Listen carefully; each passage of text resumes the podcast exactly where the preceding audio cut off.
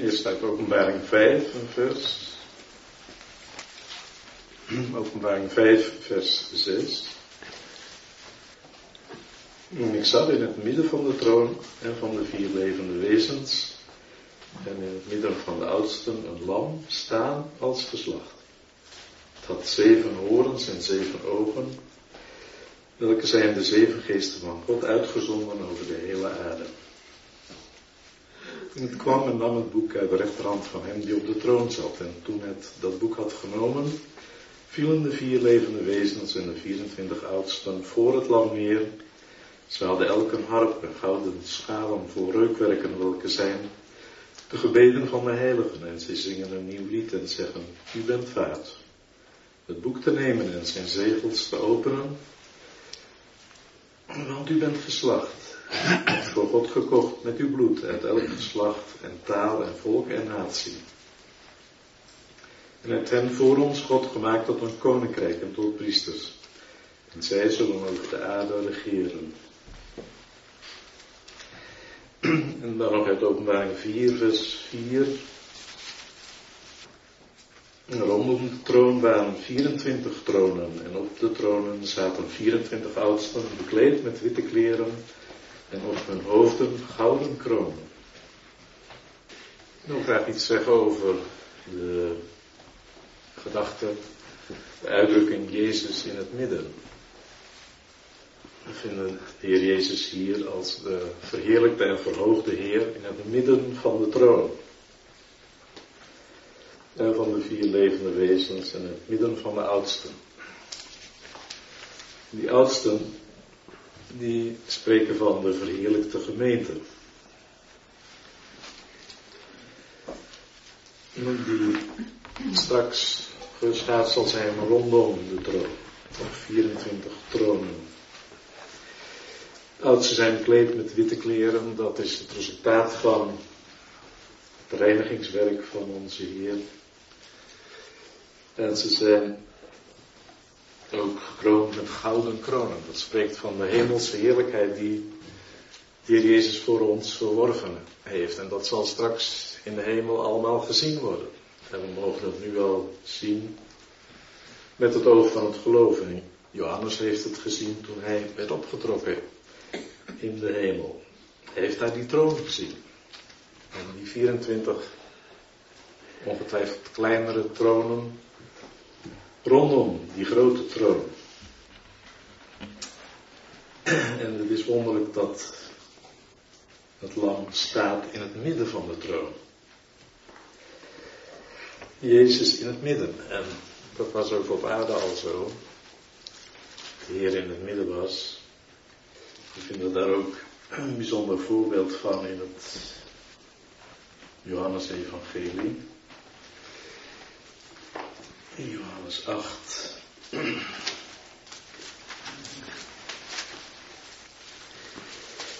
Er zijn meerdere voorbeelden van. Maar in Johannes 8 zou je kunnen zeggen, hier vinden we de Heer Jezus in het midden van de zondaren. En hij is daar als het licht van de wereld, te midden van die zondaars. Hij openbaart wat er in het hart is van de mens, dat de mens een zondaar is. In Johannes 8 heb je die geschiedenis van de overspelige vrouw, die wordt bij de Heer gebracht. En ze brengen de Heer dan in contrast met Mozes. Mozes heeft in de wet geboden zulke vrouwen te stenigen. U dan, wat zegt u? En zij plaatsten haar in het midden. Johannes 8, vers 4. En dan, als de Heer als het, licht van de wereld de harten openbaar maakt en onthult dat zij allen zondaren zijn. Wie van u zonder zonde is, laat die het eerst de steen op haar werpen. Dan druipen al die oudsten en schriftgeleerden druipen af. En dan zie je daar die merkwaardige uitdrukking in Johannes 8, vers 9. Toen ze dit hoorden, gingen ze weg, één voor één, te beginnen bij de oudste tot de laatste toe. En hij, dat is de Heer, werd alleen gelaten en de vrouw die in het midden stond. Wonderlijk. Terwijl er niemand overgebleven was behalve de Heer en die zondige vrouw, staat er toch de vrouw die in het midden stond. Daar zie je de Heer in het midden van zondaren. Maar de Heer die bewijst dan, en daartoe, daarvoor was hij ook gekomen, hij bewijst haar genade. In de Heer is de genade en de waarheid openbaar geworden. En dat zie je allebei in deze geschiedenis in Johannes 8. Hij openbaart de waarheid van het feit dat ze alle zondaren zijn en dat licht van hem, van de Heer, dat schijnt zo helder en zo duidelijk op al die mensen dat ze allemaal afdruipen in bewustzijn dat ze alle zondaren zijn. Dat is het licht van God. Het licht van de Heer, als dat op ons straalt, dan zien we wie we in onszelf zijn, wie we van nature zijn. Maar Johannes 1 zegt, uh, genade en waarheid zijn door hem geworden. En zie je dat de genade voorop staat. En dat blijkt hier in deze geschiedenis bij deze, bij deze vrouw. De Heer bewijst haar genade. Heeft niemand u veroordeeld? Ze zei niemand hier. En Jezus zei haar, tot haar, ik veroordeel u ook niet. Dat is de genade. Ga heen zonder voortaan niet meer, dat is de waarheid. De Heer openbaarde ook volledig de waarheid. Niet alleen ten opzichte van deze schriftgeleerden en fariseeën die die zondige vrouw veroordeelden, maar ook ten opzichte van haar openbaart hij de waarheid. Ga heen zondag voortaan niet meer. Als we begenadigde zondaren zijn, dan is dat niet een excuus om maar door te gaan met zonde. Een leven in de zonde, dat kan niet. Dus als we mogen weten, de Heer die veroordeelt ons niet, Hij heeft ons genade bewezen, op grond van zijn lijden en sterven, dan mogen we ook een nieuw leven met Hem beginnen. De Heer te midden van de zondaren. Maar bij het kruis zien we dat ook op een bijzondere wijze. Johannes 19, waar de Heer gekruisigd wordt tussen die twee misdadigers. Johannes 19, vers 18 zegt, waar zijn kruisigden met hem twee anderen aan elke kant één en Jezus in het midden. Jezus in het midden, in het midden van de zondaars. Maar nu om voor zondaren te lijden en te sterven, om de prijs te betalen voor ons. En die twee mensen, links en rechts van de Heer, zijn eigenlijk een beeld van de hele mensheid. Er zijn mensen die tot geloof komen, die tot bekering komen. En dat is die ene man. Die zich ervan bewust wordt wie de Heer is. En dat hij zelf een zondaar is. En dat hij het waard is om de dood te sterven. Maar Jezus niet. Hij heeft geen kwaad gedaan. Maar die andere man die bleef doorgaan met spotten. Die geloofde niet in de Heer. Maar die ene, dat is een beeld van allen die gered worden. Allen die door de Heer begenadigd worden. Want hij gelooft in de Heer.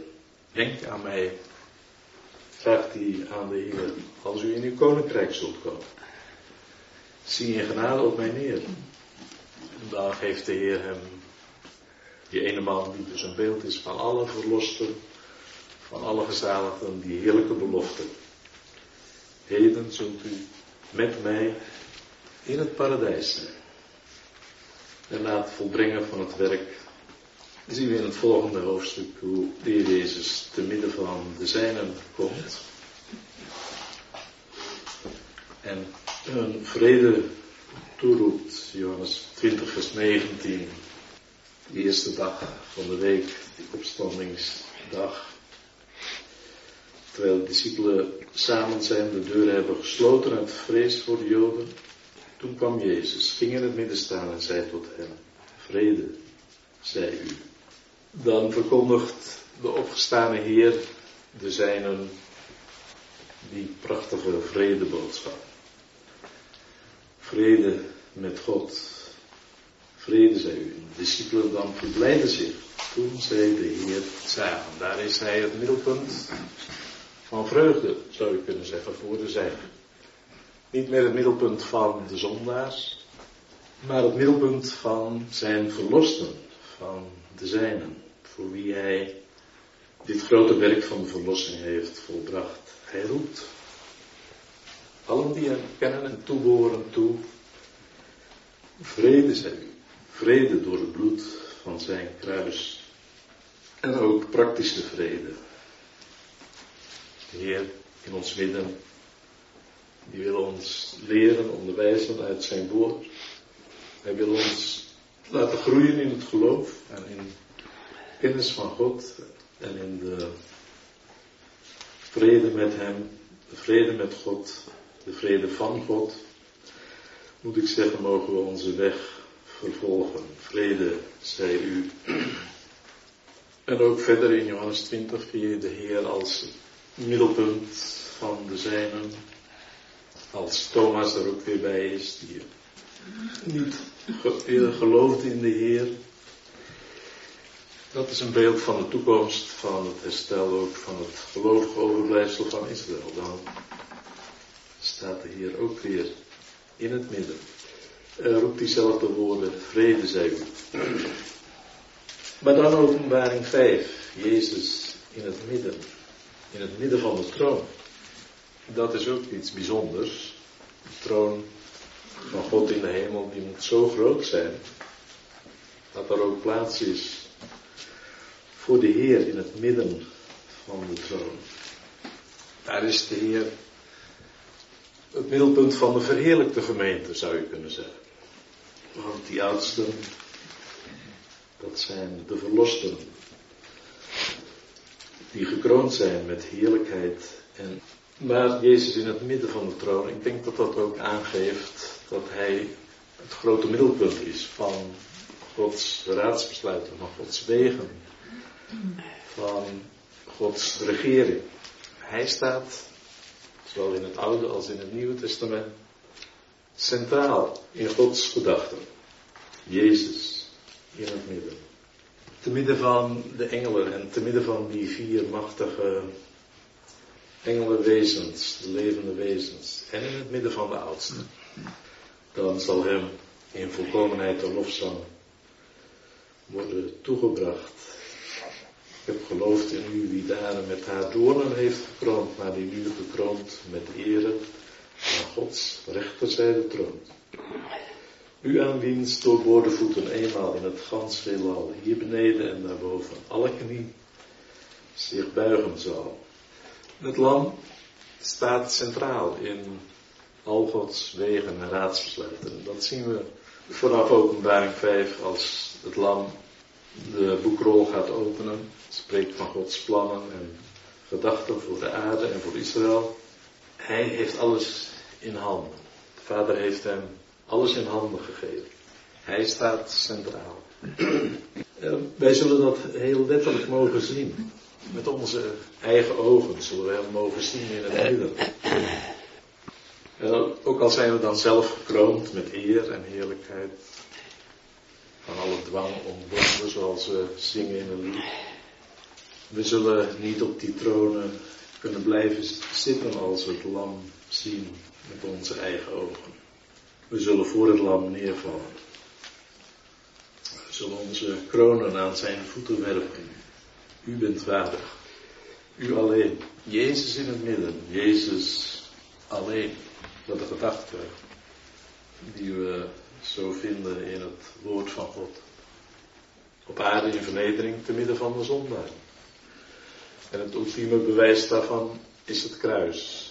Jezus te midden van twee zondaren. De een wordt begenadigd, de ander wijst de redding af. Jezus te midden van de zijnen, zijn verlosten. Hoe lieflijk als Jezus de zijnen kan vinden. Dat geldt nu al. Mogen we elke zondag ook weer ondervinden wat het is om Hem in het midden te hebben. Hij leert ons, hij onderwijst ons. Hij laat ons delen in zijn vrede en in zijn vreugde, in alle resultaten van zijn verlossingswerk. En het eindresultaat, Jezus in het midden. Te midden van de troon. Te midden van de engelen. Te midden van de verheerlijkte gemeente